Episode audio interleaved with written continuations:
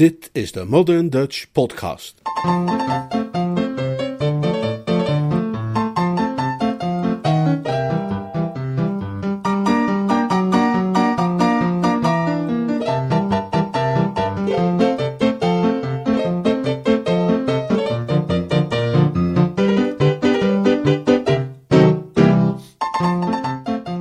Om Fred flitst even langs. Een kort verhaal van P.G. Woodhouse uit Young Men with Spats, vertaald en voorgelezen door Leonard Peug.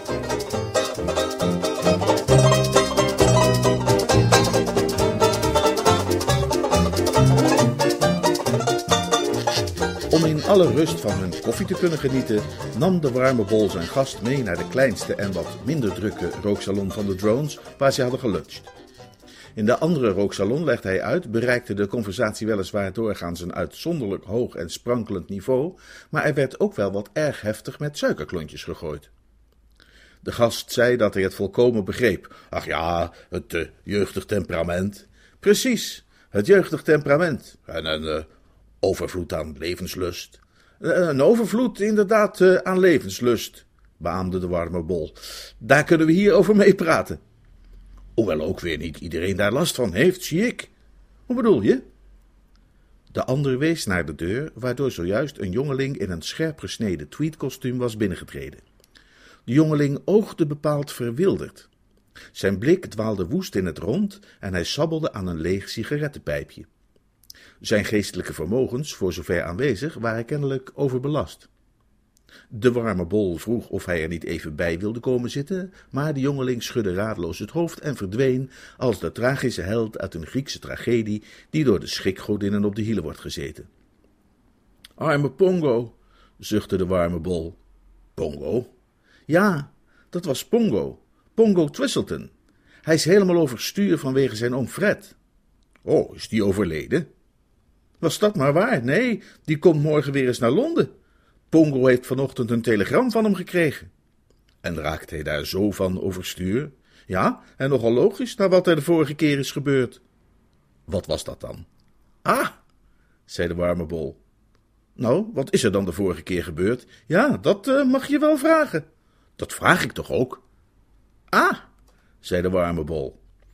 Die arme Pongo, zei de warme bol, heeft het vaak met me over zijn oom Fred gehad. En als het geen tranen waren die hem daarbij in de ogen sprongen, dan weet ik niet wat een traan is die in een oog springt. Even grof afgerond woont de graaf van Ickenham, van Ickenham Hall, bij Ickenham in Hampshire. En hij woont daar het grootste deel van het jaar op het platteland. Maar hij heeft ongewoond om zich zo af en toe van zijn halsband los te rukken en te ontsnappen naar de grote stad, en dan komt hij Pongo lastigvallen in diens flat in de Albany. En iedere keer dat hij dat doet, wordt die arme jongen blootgesteld aan de meest gruwelijke beproevingen.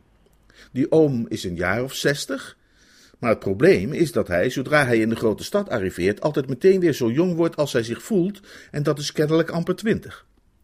Ik weet niet of jij weet wat het woord excessen betekent, maar dat is wat Pongo's om Fred onveranderlijk begaat wanneer hij even in Londen is.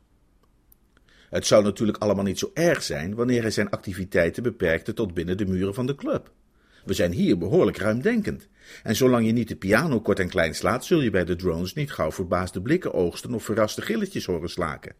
Maar het punt is juist dat hij Pongo altijd meesleurt de wijde wereld in, wanneer hij weer eens geheel in het openbaar zijn gewaagde fratsen gaat uithalen. Dus, toen hij, bij de gelegenheid waar ik het over wil hebben, blozend en opgewekt bij Pongo op het haardkleedje stond, Pongo's voortreffelijke lunch achter de kiezen en Pongo's uitstekende sigaar tussen de lippen, en handen wrijvend de woorden sprak: uh, En dan nu erop uit, mijn jongen, voor een aangenaam en leerzaam middagje.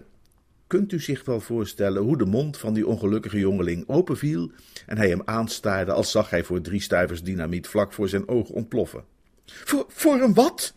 vroeg hij met lichtelijk knikkende knieën en enigszins verblekend onder zijn zomersbruin. Ja, voor een aangenaam en leerzaam middagje, herhaalde Lord Ickenham en liet de woorden welluidend door de mond rollen. Ik stel voor dat je de samenstelling van het programma en de algehele leiding aan mij overlaat. Daar Pongo's pecuniaire omstandigheden hem noodzaken zijn bejaarde bloedverwant regelmatig aan te spreken en hem bij gelegenheid een extra tientje hier en daar te ontfutselen, is hij nu niet bepaald in een positie om streng op te treden tegen de oude rakker.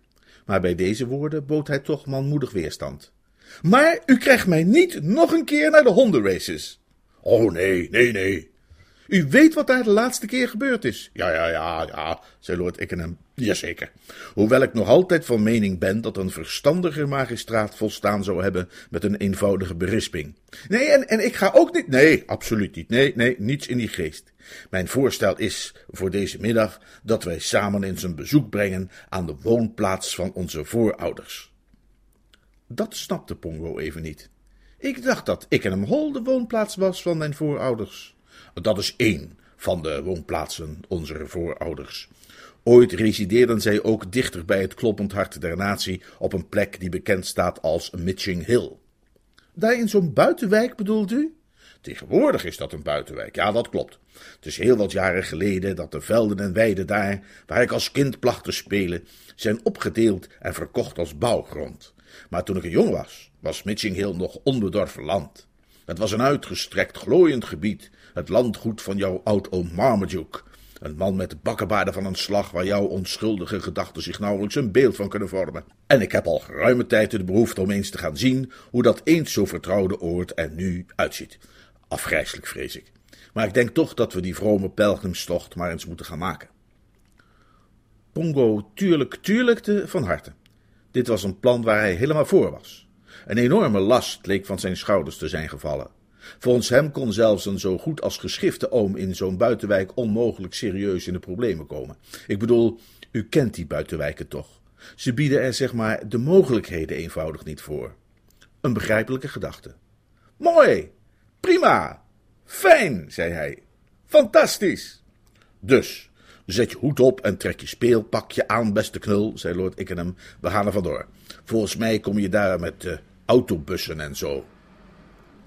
Pongo had niet verwacht dat Mitching Hill een bijzonder verheffende aanblik zou bieden. En dat deed het dan ook niet. Als je daar uit de bus stapt, heeft hij mij verteld, dan sta je te midden van eindeloze rijen van die half vrijstaande huisjes met tuintjes eromheen, die er allemaal precies hetzelfde uitzien. En als je dan wat verder loopt, dan staan er nog veel meer van die half vrijstaande huisjes met tuintjes eromheen, die allemaal precies hetzelfde eruit zien. Maar Pongo mopperde niet. Het was zo'n vroege lentedag die plotseling weer kan omslaan in midwinter. Hij was zonder jas, het zag er naar uit dat het elk moment kon gaan regenen en hij had geen paraplu bij zich. Maar ondanks dat alles was zijn stemming er een van getemperde vreugde. De uren tikten voorbij en oompje lief had nog volstrekt niets idioots gedaan. Toen bij die hondenrennen was hij binnen tien minuten in handen van de politie geweest. Het begon er naar uit te zien dat Pongo die bejaarde lastbak hier met een beetje geluk kon laten rondwandelen tot de avond viel en het tijd werd voor een rustig diner, een kopje koffie en dan op tijd naar bed. En aangezien Lord Ickenham met zoveel woorden had verklaard dat Pongo's tante Jane toegezegd had hem te zullen scalperen met een bot mes wanneer hij morgen niet voor de lunch terug was op Ickenham Hall, zag het er werkelijk naar uit dat dit bezoek zou gaan verlopen zonder enige bijzondere verstoring van de openbare orde. Het is misschien interessant om hierbij te vermelden dat Pongo bij deze gedachte moest glimlachen, omdat het de laatste keer was die dag dat een glimlach op zijn gelaat verscheen. Al die tijd, moet ik niet vergeten te zeggen, had Lord Ickenham om de zoveel stappen een ogenblik stilgestaan als een jachthond die iets ruikt, om te vertellen dat het hier geweest moest zijn dat hij de tuinman vol in het zitvlak geraakt had met zijn pijl en boog, en daar op dat plekje dat hij zo misselijk was geweest na zijn eerste sigaret enzovoorts. Op een gegeven moment bleef hij staan voor een huis dat om volstrekt onduidelijke redenen de naam De Ceders droeg. Zijn gezicht kreeg een ontroerde en weemoedige uitdrukking.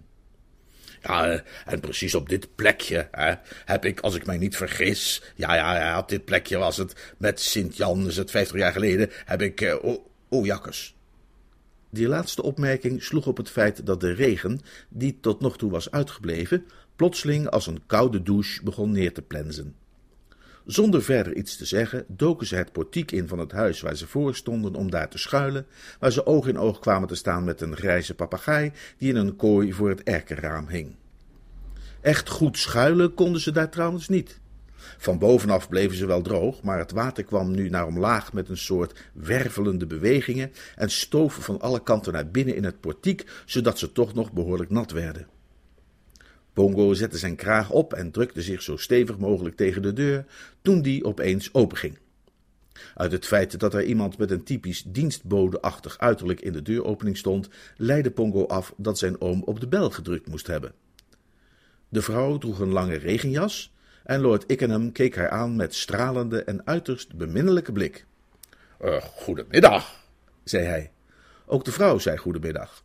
Uh, zijn wij hier bij de Ceders? De vrouw zei dat dit inderdaad de Ceders was. Uh, de familie thuis? Nee, er was niemand thuis, zei de vrouw.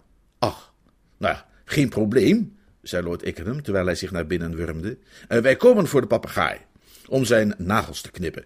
En dit hier is mijn assistent, de heer Walkinshaw, die voor de verdoving zorgt. En hij maakte een gebaar in de richting van Pongo. Ben u van de dierenwinkel? Uitstekend geraden. Niemand had gezegd dat u kwam. Aha, ze houden dingen voor je verborgen, zei Lord Ickenham meevoelend. Dat is niet zo leuk voor je. Verder wurmend was hij inmiddels tot de zitkamer doorgedrongen, met Pongo in een soort droomtoestand achter zich aan en de dienstbode als hekkensluiter. Nou ja, zal wel goed zijn, zei de dienstbode. Ik stond net op het punt om weg te gaan, het is mijn vrije middag. Uh, ga maar rustig hoor, zei Lord Ickenham hartelijk. Ga rustig je gang, wij vinden het wel. Een beetje weifelend ging de vrouw en tenslotte vandoor, waarop Lord Ickenham acuut de gaskachel hoog zette en gezellig een stoel bijtrok. Zo, daar zitten we dan, jongen, zei hij. Beetje tact, beetje handigheid. Ik kijk eens aan, daar zitten we knus en gezellig en zonder dat we kou hoeven te vatten. Ja, maar verdorie, we kunnen hier toch niet zomaar blijven? zei Pongo. Lord Ickenham trok verbaasd zijn wenkbrauwen op. Hoezo kunnen we hier niet blijven? Wou je dan weer naar buiten, de regen in? Beste jongen, je hebt geen idee wat voor ernstige gevolgen dat zou kunnen hebben. Toen ik vanmorgen thuis wegging, had ik een pijnlijk verschil van mening met je tante, moet je weten. Zij beweerde dat het verraderlijk weer was en dat ik toch vooral mijn wollen sjaal moest omdoen, terwijl ik vond dat het er juist prachtig uitzag en dat ik wel gek zou zijn om met een wollen sjaal om te gaan lopen. Uiteindelijk kreeg ik mijn zin, maar pas nadat ik wat erg nadrukkelijk mijn ijzeren wil had getoond. En je kunt je misschien wel voorstellen, beste knul, wat er zou gebeuren als ik straks thuis kwam met een verkouden hoofd. Dat zou ik nog eindeloos moeten horen. En als ik dan weer eens naar Londen zou willen, zou dat niet lukken zonder een wollen borstrok en een mondkapje. Nee, ik blijf hier. Lekker met mijn voeten bij dit voortreffelijke kacheltje.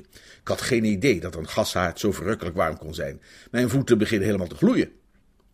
Pongo zelf begon ook behoorlijk te gloeien. Het zweet brak hem aan alle kanten uit.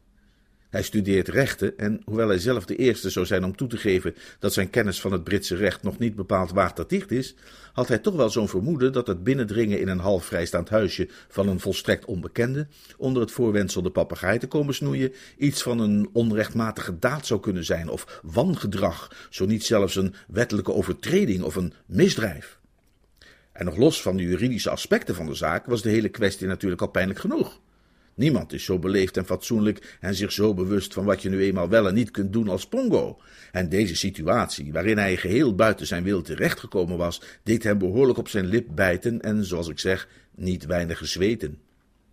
Maar stel je nou toch voor dat de kerel die in dit vreselijke huis woont straks opeens thuis komt, vroeg hij. Over ernstige gevolgen gesproken. Probeert u dat mopje eens op uw pianola. En verdraaid hij was nog niet uitgesproken of de bel ging. Zie je nou wel? Daar heb je het al, zei Pongo. Nooit zie je nou wel tegen me zeggen, beste jongen, zei Lord Ickenham bestraffend. Dat is precies het soort dingen dat je tante altijd tegen mij zegt. Ik zie geen enkele reden voor alarm. Dit is ongetwijfeld iemand die alleen maar even langskomt. Iemand die hier woont, heeft zijn sleutel bij zich en die belt niet. Kijk jij eens voorzichtig uit het raam om te zien wat voor iemand het is. Het is een, uh, een knul met een roze gezicht, zei Pongo nadat hij een blik geworpen had. Hoe roze? Knalroze. Nou, zie je wel, dat zeg ik. Dat kan onze hoofdbewoner niet zijn. Mensen die in dit soort huizen wonen zien er altijd bleek en afgetrokken uit. Dat komt omdat ze de hele dag op een kantoor moeten werken. Hm? Doe eens open en vraag wat hij wil. Nou, doet u zelf maar open en vraag wat hij wil. Goed, dan doen we samen even open en vragen wat hij wil, zei Lord Ickenham. Dus liepen ze samen naar de voordeur en deden open, en inderdaad stond daar, precies zoals Pongo had gezegd, een kerel met een uitgesproken roze gelaat. Een vrij klein, Jong kereltje eigenlijk, met een glanzend roze toet en behoorlijk vochtig op de schouders en de rug. En neemt u mij niet kwalijk, zei de kerel met de roze wangen, maar is meneer Roddes thuis? Nee, zei Pongo. Jawel, zei Lord Ickenham. Doe toch niet zo gek, Douglas. Natuurlijk ben ik wel thuis. Ik ben meneer Roddes, zei hij tegen de kerel met de roze wangen. En dit geval hier is mijn zoon Douglas. En wie bent u? Uh, Robinson is de naam. Uh, welke naam? Mijn naam. Ah, ah, uw naam is Robinson. Mooi. Nou, dat hebben we dan duidelijk. Heel fijn om u te zien, meneer Robinson. Kom binnen en trek uw natte schoenen uit. Ze drentelden gedrieën terug naar de woonkamer, waarbij Lord Ickenham onderweg op allerlei bezienswaardigheden wees, terwijl Pongo naar adem snakte en driftig deze nieuwe wending in het scenario probeerde te verwerken. Zijn hart kreeg meer en meer te lijden van gevoelens van doem en bedrukking. Hij had het al niet leuk gevonden om meneer Walkinshaw, de veterinair anesthesist, te moeten spelen, maar de rol van Roddes junior beviel hem nog veel minder. Hij vreesde eenvoudig het ergste. Het werd hem steeds duidelijker dat er bij zijn oom toch echt een steekje los zat en dat dit weer een van zijn dolle middagen ging worden. En als zo vaak bij vorige gelegenheden vroeg hij zich angstig af wat van dit alles de wrange vruchten zouden zijn. In de woonkamer aangekomen ging de blozende bezoeker zenuwachtig op één been staan en keek verlegen om zich heen. Is, uh, is Julia er nog niet? vroeg hij met een flets glimlachje. Dit alles volgens Pongo natuurlijk. Uh, ja, is Julia er al? vroeg Lord Ickenham aan Pongo. Nee, zei Pongo. Uh, nee, zei Lord Ickenham. Nou, en ze had gebeld dat ze hierheen zou komen. Mooi, dan kunnen we een potje bridge met z'n vieren. De man met de roze wangen ging op zijn andere been staan. Uh, jullie hebben Julia nog nooit ontmoet, is het wel? Oneenigheid in de familie heb ik van haar begrepen. Een oude vete. Ja, ja, zo gaat dat, hè. De, de Julia die ik bedoel is jullie nichtje, hè? Julia Parker. Of eigenlijk het nichtje van uw vrouw dus dan. Ach, aangetrouwd is zo goed als eigen, vind ik, hoor, zei Lord Ickenham hartelijk. Daar doen wij niet moeilijk over. Nou, uh, Julia en ik willen gaan trouwen. Nou, fantastisch, zou ik zeggen. Maar ze vinden het niet goed. Uh, wie niet? Haar vader en moeder niet. En oom Charlie Parker niet. En Henry Parker ook niet. En de hele rest ook niet. Ze vinden mij gewoon niet goed genoeg. Tja, veel mensen vinden het zedelijk niveau van moderne jongelui onvoldoende. Nee, nee, ik bedoel, niet chic genoeg. Hè? Het is een arrogant stelletje, die Parkers. Hoe komen ze zo hoogmoedig dan? Zijn het graven? Nee, het zijn geen graven. Uh, waarom hebben ze dan zo'n bliksemse grote mond? vroeg Lord Ickenham. Graven, ja, die hebben het recht om uit de hoogte te doen. Andere mensen niet. Hè? Een graaf is tenminste iets. Heb je een graaf, dan heb je echt wat. Bovendien hebben we ruzie gehad, haar vader en ik. Van het een kwam het ander, u kent dat wel. En uiteindelijk noemde ik hem een hopeloze. Oh jee! Plotseling onderbrak de roze-rode jongeling zijn verhaal. Hij had bij het raam gestaan, maar verplaatste zich nu met een lenige draai naar het midden van de kamer.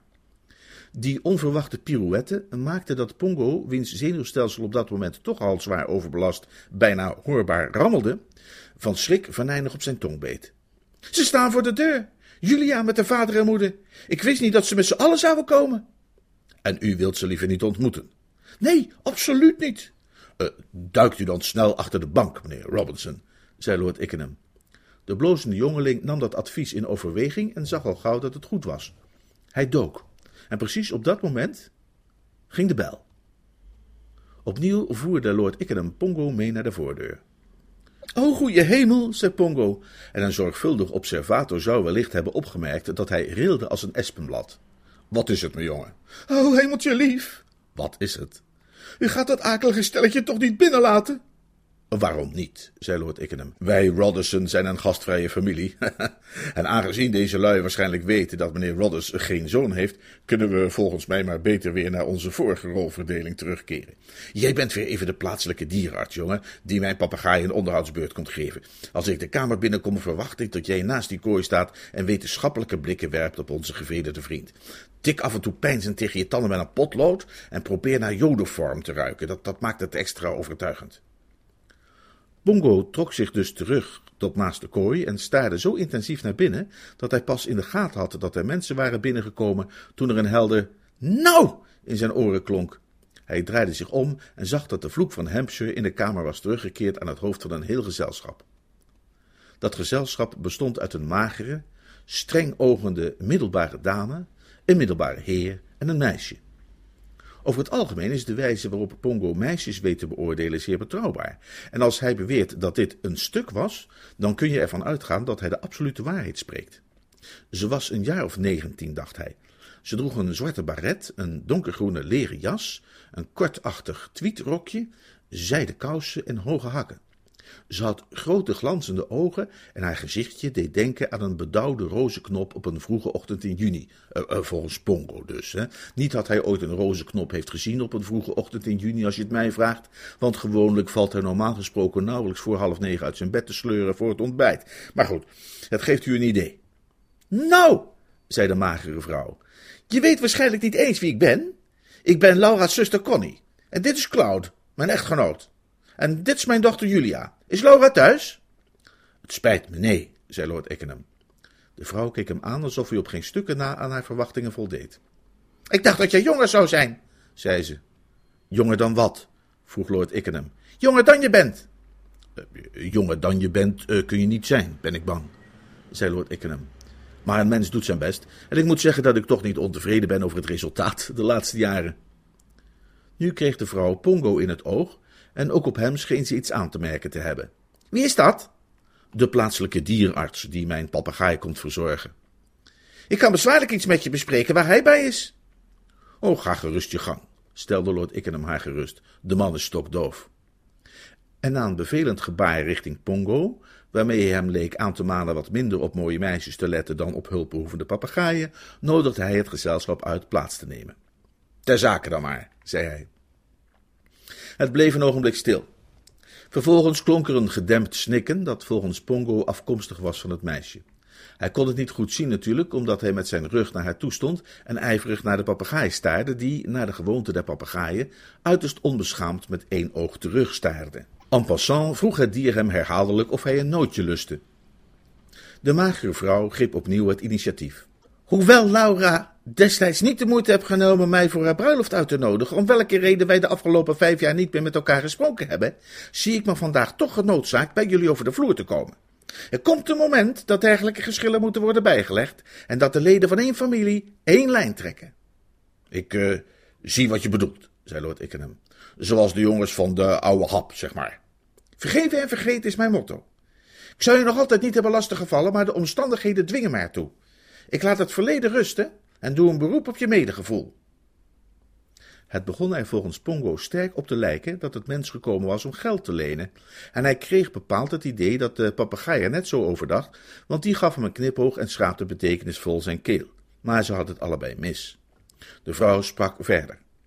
Ik zou graag willen dat jullie Julia een poosje bij jullie in huis nemen, totdat ik iets anders voor haar heb kunnen regelen. Julia studeert piano en ze moet over twee weken examen doen en tot die tijd moet ze in Londen blijven. Probleem is dat ze verliefd is geworden, althans dat denkt ze zelf. Nee, dat weet ik zeker, zei Julia. Het geluid van haar stem was dermate lieftallig dat Pongo zich automatisch omdraaide om opnieuw naar haar te kijken. Haar ogen, zegt hij, waren als twee fonkelende sterren en haar gezicht was als het beroemde schilderij van het ontwaken der ziel. Het ontging Pongo ten ene male, verzekert hij mij, wat er nu zo uitzonderlijk was aan een blozende figuur als deze blozende figuur, die zelfs qua blozende figuur geen heel bijzondere blozende figuur was, dat een meisje als dit er op deze manier van ging uitzien. Hij zocht vergeefs naar een oplossing voor dat raadsel. Gisteren zijn Cloud en ik uit Bexhill, waar we wonen, naar Londen gekomen om Julia bij wijze van vriendelijk bedoelde verrassing een verzoek te brengen. We logeerden uiteraard in hetzelfde pension waar zij de laatste zes weken heeft verbleven. En wat denk je dat we daar aantroffen? Vieze beestjes? Nee, geen vieze beestjes. Een brief. Een brief van een jonge man. Tot mijn afschuw moest ik ontdekken dat een jong mens, dat ik helemaal niet ken, bezig was een huwelijk met mijn dochter voor te bereiden. Ik heb hem ogenblikkelijk bij me laten komen en stelde vast dat hij een volstrekt onmogelijke partij is voor mijn dochter. Hij legt palingen in. Wat doet hij? Hij werkt in een winkel waar ze palingen in gelei verkopen. Och, sprak Lord Ickenham, maar dat pleit toch beslist voor hem. Het vergt een aanzienlijke intelligentie en vaardigheid om paling deskundig in te leggen. Niet iedereen bezit die vermogens, bij lange na niet. Als iemand aan mij bijvoorbeeld zou vragen, zeg, leg jij die paling eens lekker in, dan zou ik met mijn mond vol tanden staan. Volstrekt onthand. En dat geldt volgens mij beslist ook voor mensen als een Ramsay MacDonald en een Winston Churchill. De vrouw leek het daar niet mee eens te zijn. Bah, zei ze. Wat denk je dat mijn zwager Charlie Parker zou zeggen als ik Julia liet trouwen met een man die palingen inlegt? Precies, zei Cloud. Voor ik het vergeet te vertellen, een lange gebogen gestalte met een heftige rode snoer van het soepfiltertype, deze Cloud.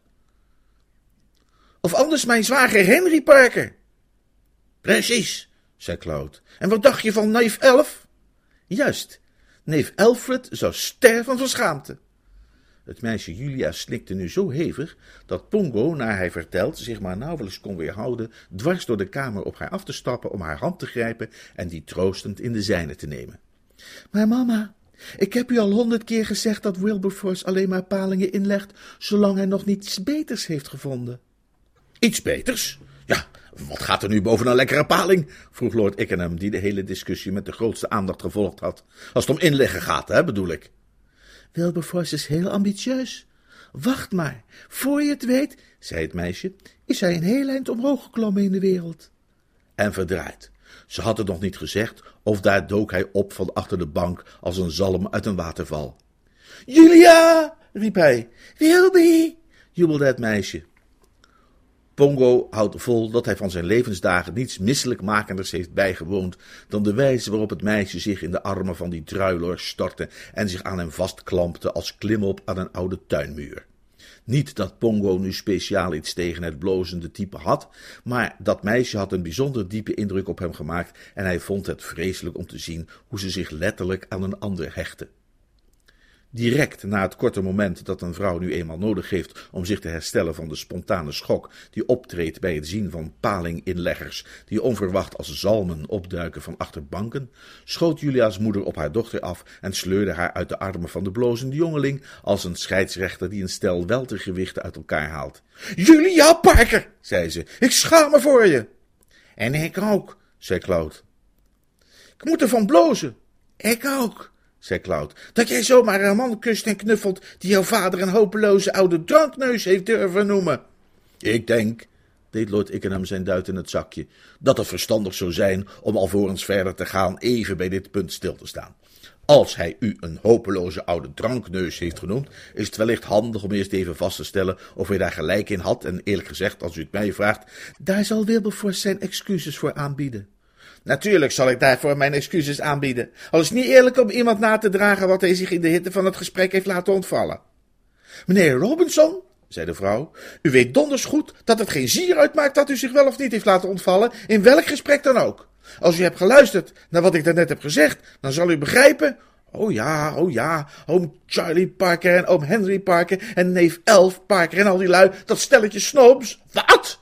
Dat stelletje verwaande, hooghartige snoops kijken op andere mensen neer, vinden dat ze beter zijn dan een ander. En waarom? Omdat ze een beetje geld hebben. Nou, ik zou wel eens willen weten hoe ze daaraan gekomen zijn. Wat wilt u daarmee zeggen? Dat mag u zelf bedenken. Als u soms wilt beweren. Maar, Connie, zei Lord Ickenham, dat weet je toch zelf ook wel.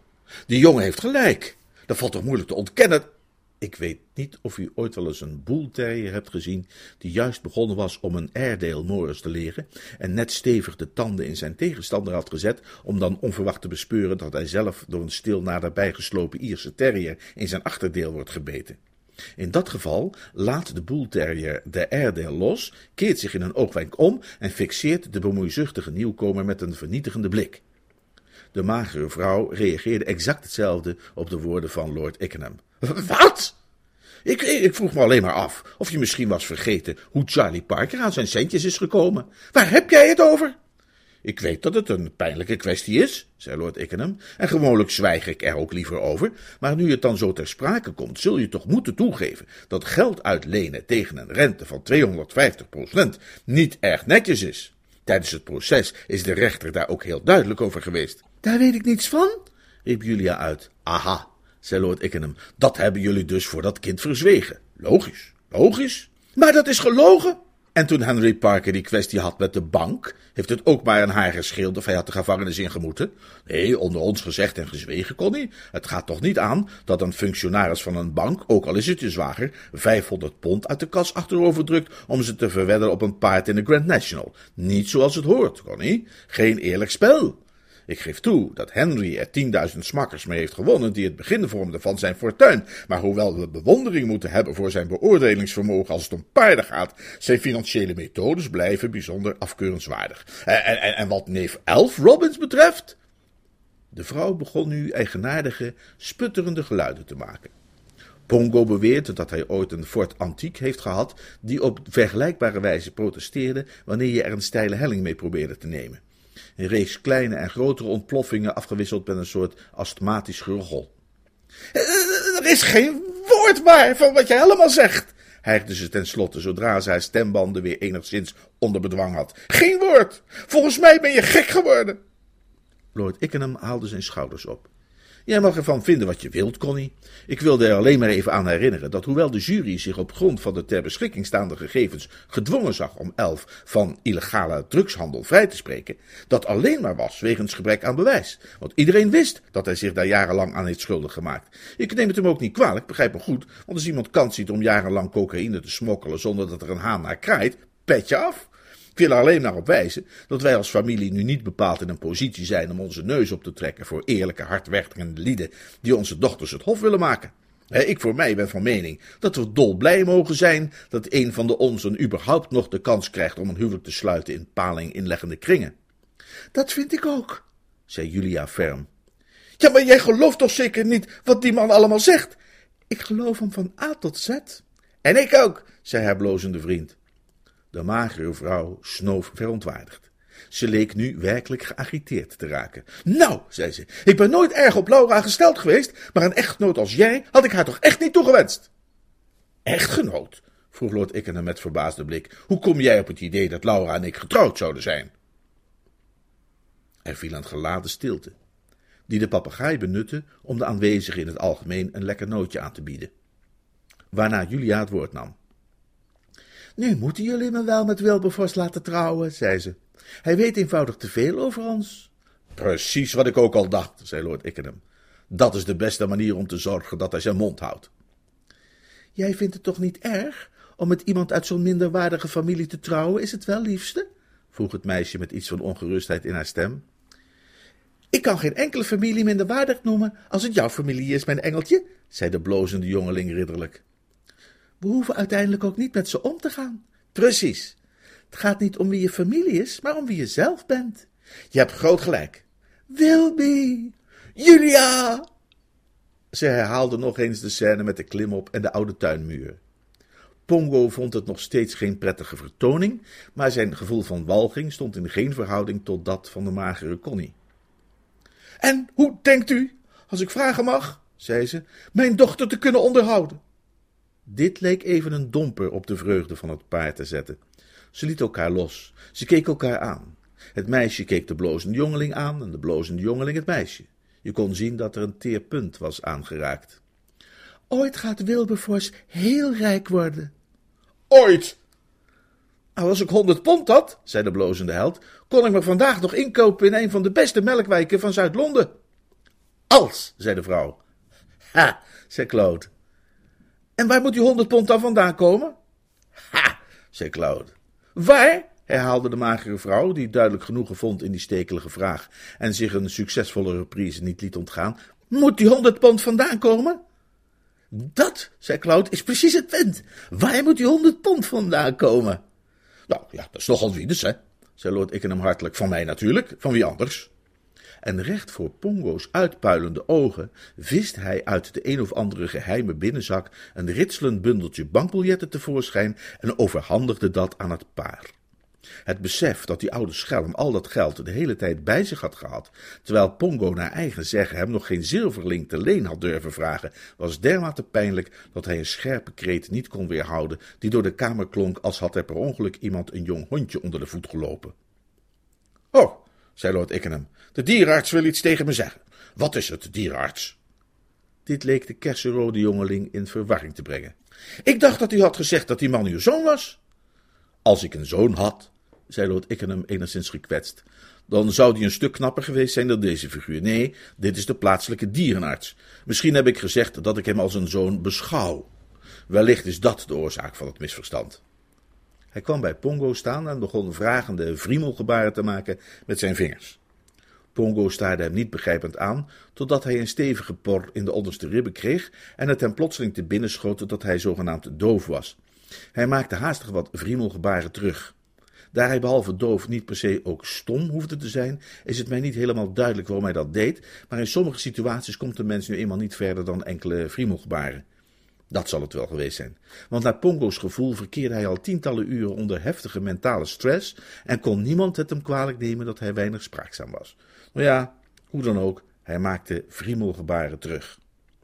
Ik begrijp niet precies wat hij zegt, zei Lord Ickenham tenslotte, want hij heeft vanmorgen een vinger verstuikt en daarom stottert hij nogal.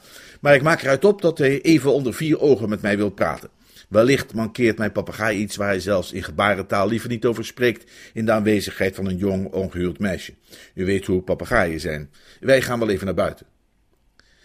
Wij wilden zelf ook net uh, naar buiten gaan, zei Wilberforst. Ja, zei Julia, ik heb wel even behoefte aan een wandelingetje. En jij? vroeg Lord Ickenham aan Connie, die erbij stond als een vrouwelijke Napoleon in Moskou. Uh, voeg jij je bij de wandelaars? Nee, ik ga wel even een kopje thee zetten voor mezelf.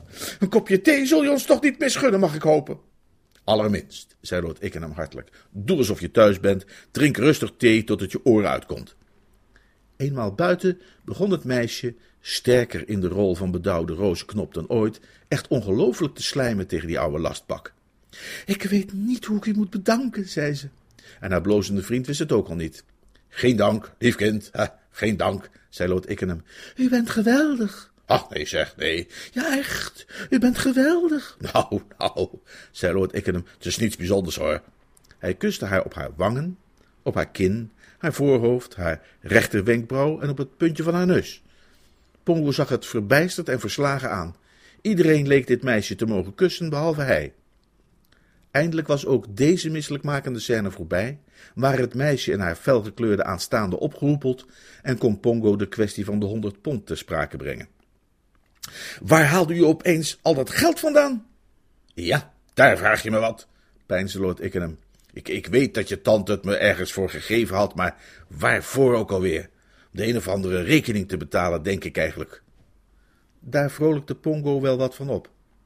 Dan zal ze er u wel behoorlijk van langs geven als u terugkomt, zei Pongo niet zonder heimelijk genoegen. Ik zou niet graag in uw schoenen willen staan. Als u aan tante Jane vertelt dat u die hele stapel geld aan een meisje hebt gegeven, zei hij met stelligheid, want hij kende de emotionele aard van zijn tante Jane maar al te goed, en dan nog wel aan zo'n mooi meisje. Een meisje dat zo weggelopen zou kunnen zijn uit het ballet van de allerbeste clubs, grijpt ze, als u het mij vraagt, zonder aarzelen een van uw voorvaderlijke strijdbijlen van de muur om u de hersens te splijten. Vrees niet, mijn jongen, zei Lord Ickenham. Het is typisch jouw zachtmoedige aard om daar bezorgd over te zijn, maar vrees niet. Dat ga ik haar niet vertellen. Ik ga haar vertellen dat ik mij gedwongen zag dat geld aan jou te geven, zodat jij een aantal compromitterende brieven kon terugkopen van een Spaanse demi-mondaine. Ze zal het me moeilijk kunnen kwalijk nemen dat ik haar teergeliefde neef heb weten te redden uit de klauwen van een geldbeluste avonturierster. Misschien dat ze daarna een tijdje wat minder gunstig over jou zal denken. En misschien moet je dan ook maar wat tijd voorbij laten gaan voordat je weer eens op Ickenham Hall op bezoek komt. Maar daar heb ik je toch pas weer nodig als het tijd is voor de rattenjacht. Dus dat is niet zo erg.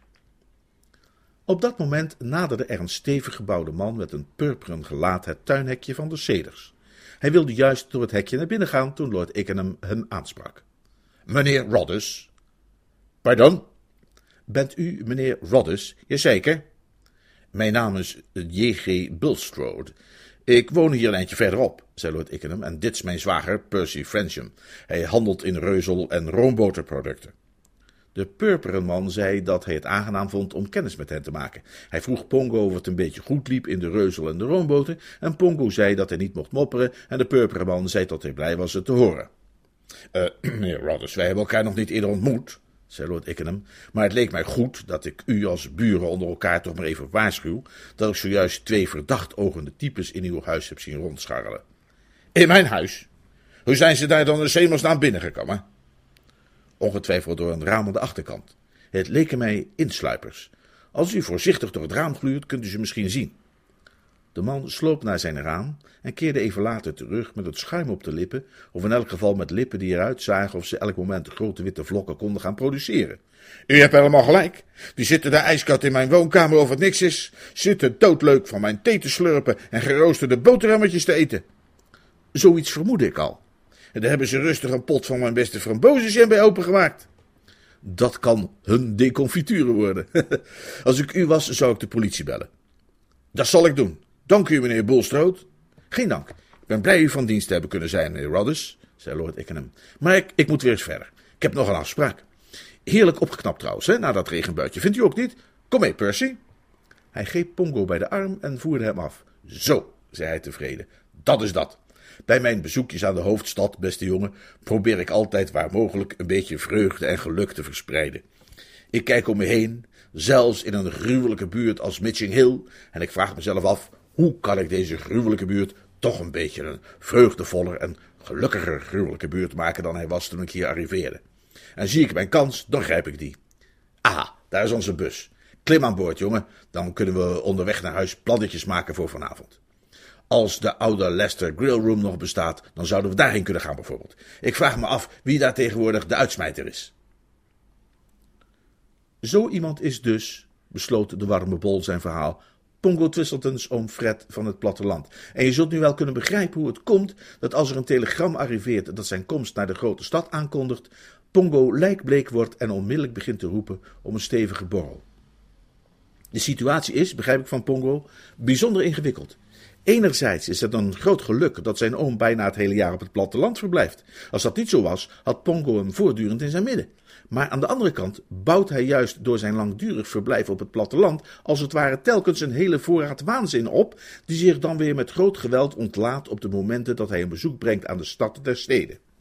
Waar het uiteindelijk op neerkomt, is de vraag: is het beter om een geschifte oom te hebben wiens geschiftheid voortdurend aanwezig is, maar bij wijze van spreken dun uitgesmeerd, dan wel een oom die zich 360 dagen per jaar in het verre Hampshire schuilhoudt, maar die andere vijf dagen in Londen de bloemetjes buiten komt zetten. Een uiterst lastige vraag waar Pongo nog altijd niet helemaal uit is. Het zou natuurlijk het allermooiste zijn als iemand die oude schobbejak permanent van 1 januari tot 31 december aan de ketting kon leggen, waar hij geen kwaad kon tussen de piepers en de pachtboeren. Maar, geeft Pongo zelf toe, dat zal altijd wel een utopie blijven. Niemand heeft daar harder aan gewerkt dan zijn tante Jane en zelfs haar is dat nooit gelukt.